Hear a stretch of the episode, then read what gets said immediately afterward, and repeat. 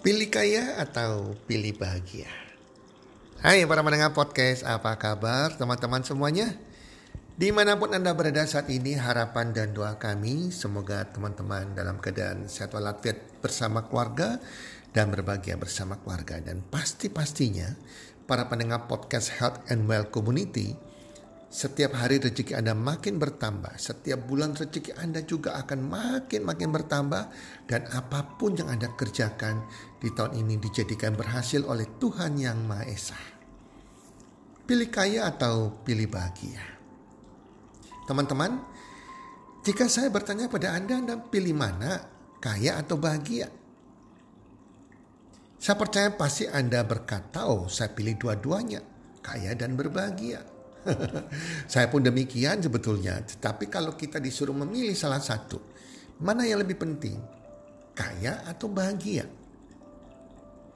Kalau saya, saya memilih bahagia. Karena banyak orang kaya tidak berbahagia.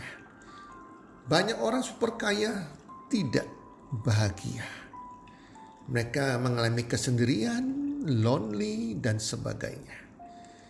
Karena tidak ada ukuran sebuah kekayaan.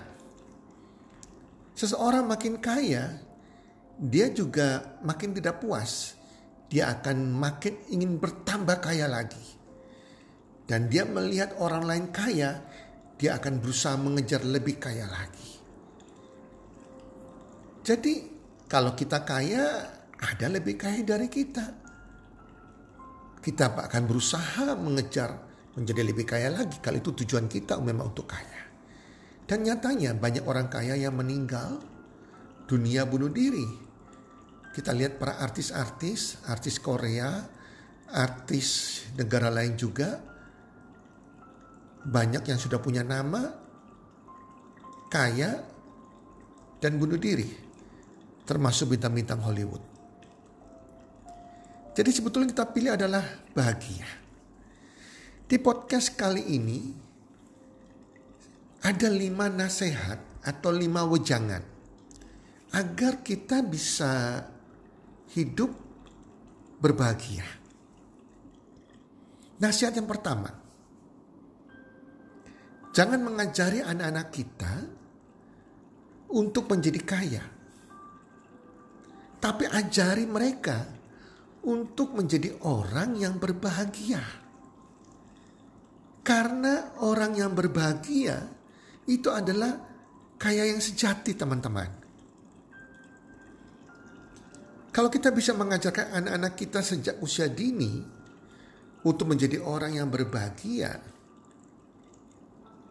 mereka akan bertumbuh besar dan mereka bisa mengetahui atau memfokuskan diri kepada nilai-nilai kehidupan yang bisa membuat mereka bahagia.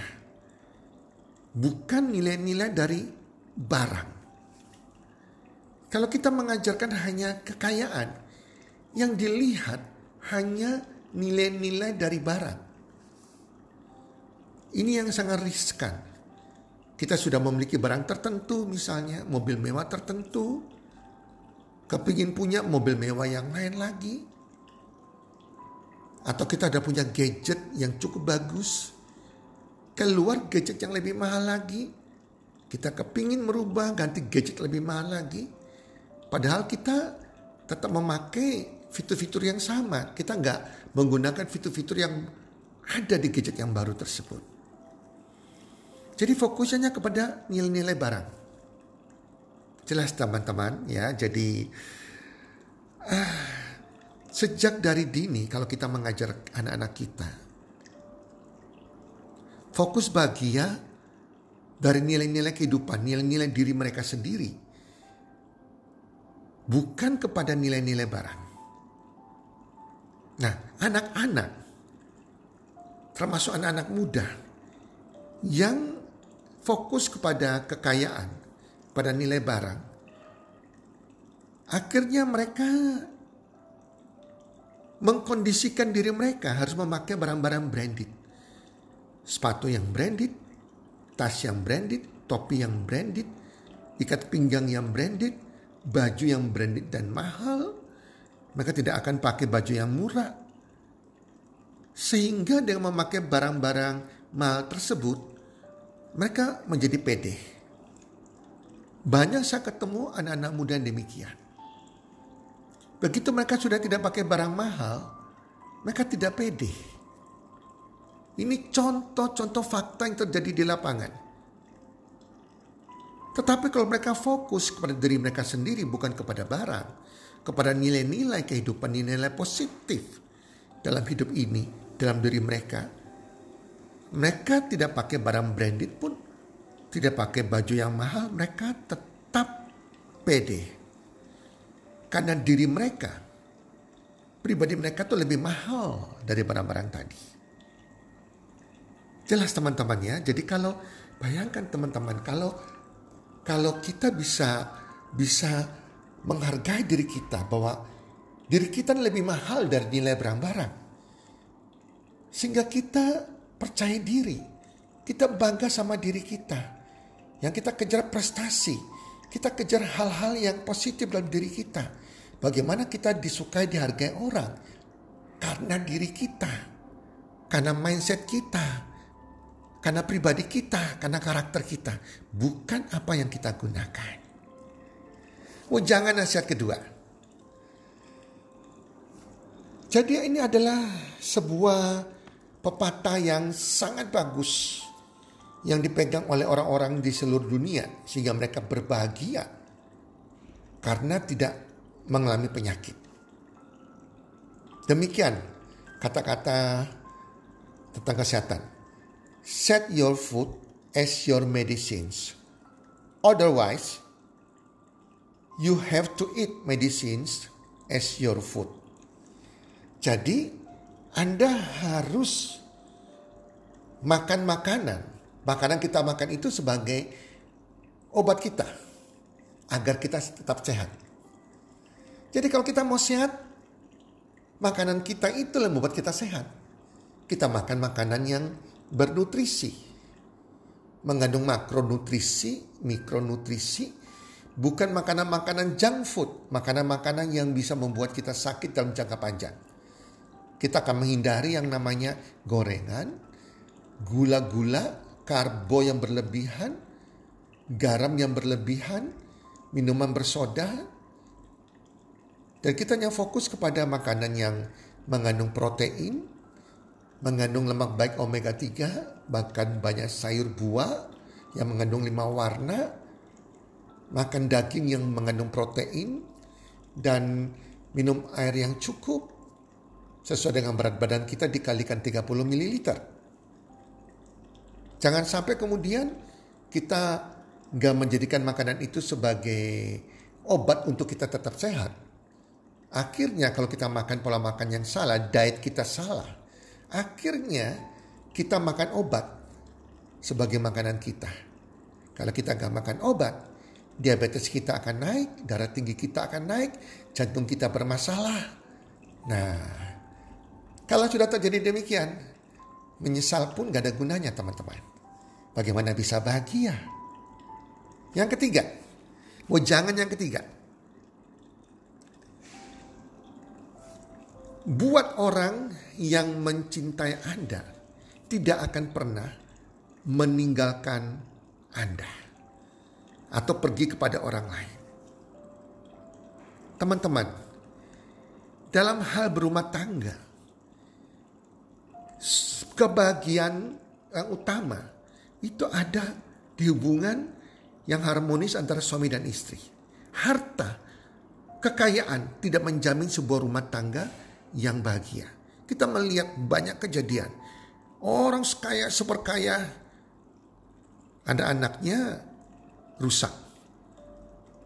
Mereka bertengkar suami istri.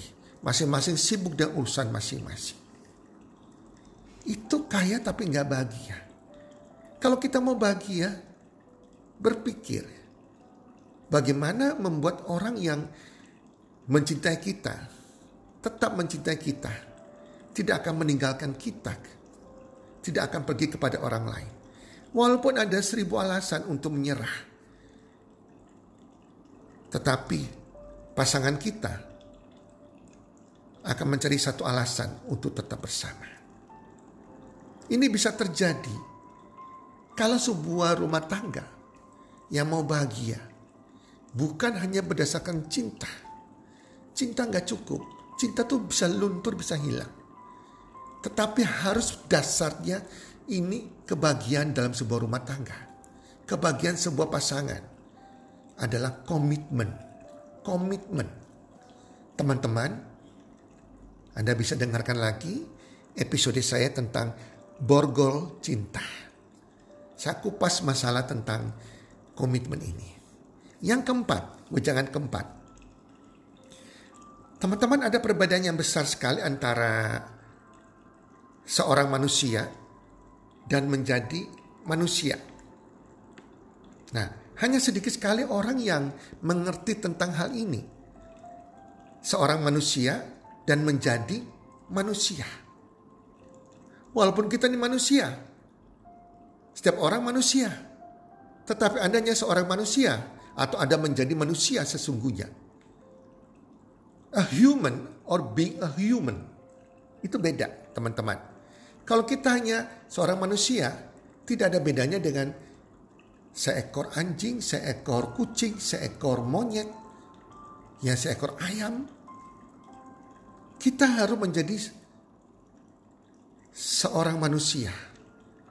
Kalau kita mau menjadi seorang manusia, being a human, maka hidup kita ini kita peduli kepada sesama kita.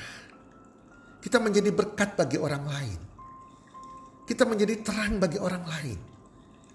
Kita menabur kebaikan bagi orang lain. Kita tidak egois kepada diri kita sendiri. Kita gak egois hanya untuk kita, kita, kita, kita. Tetapi kita peduli kepada lingkungan kita, kepada orang-orang yang kurang beruntung.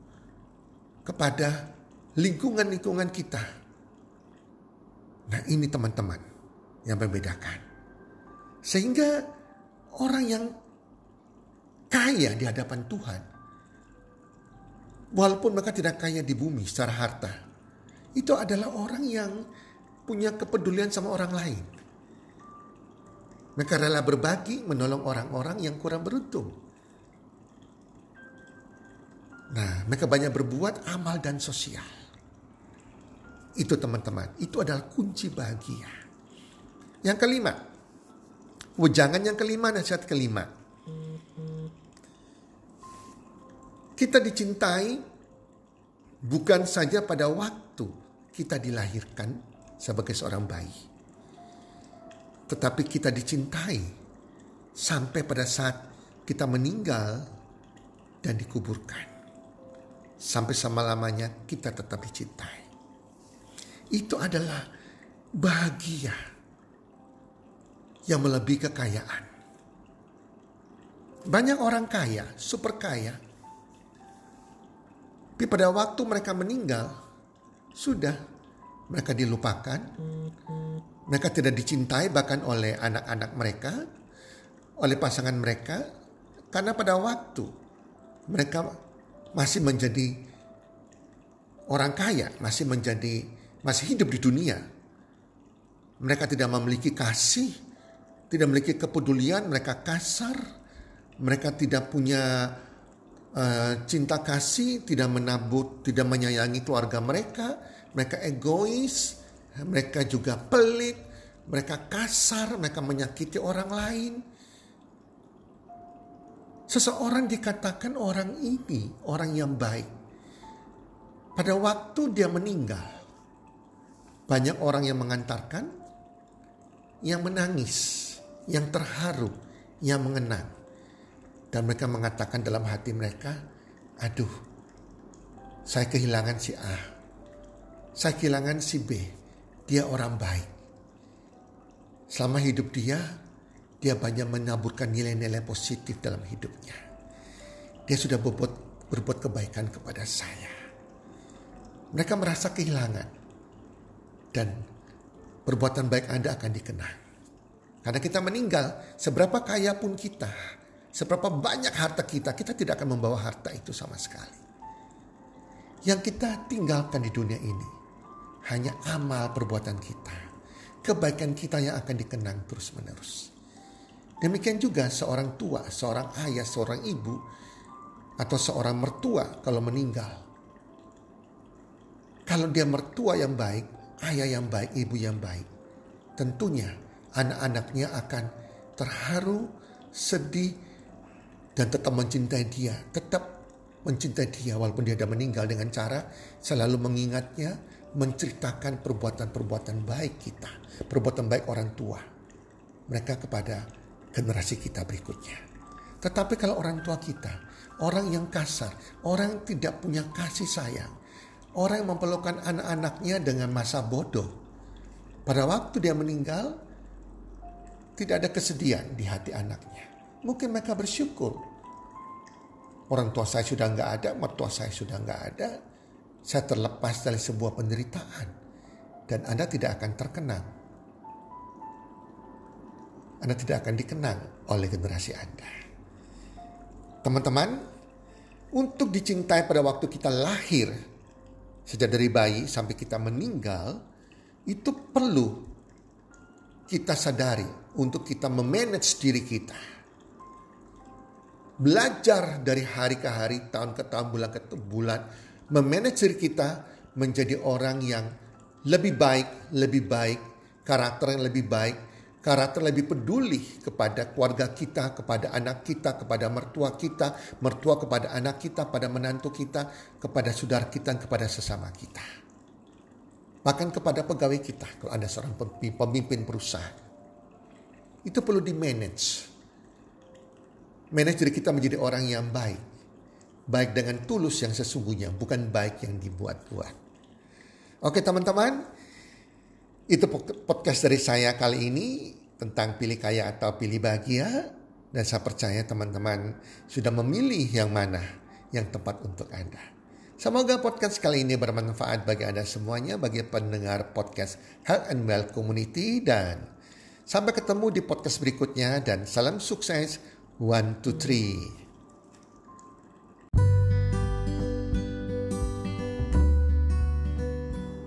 Terima kasih sudah mendengarkan podcast kami. Teman, jika Anda rasa bermanfaat podcast kami ini, Anda bisa menginfokan kepada rekan kerja Anda, keluarga Anda, teman ataupun sahabat Anda. Dan jika ada hal-hal yang Anda ingin tanyakan kepada kami ataupun topik-topik apa yang Anda ingin kami bawakan, kami sampaikan, Anda bisa DM kami di Instagram kami healthcommunity.id. Salam one two three, salam sehat, sejahtera dan bahagia.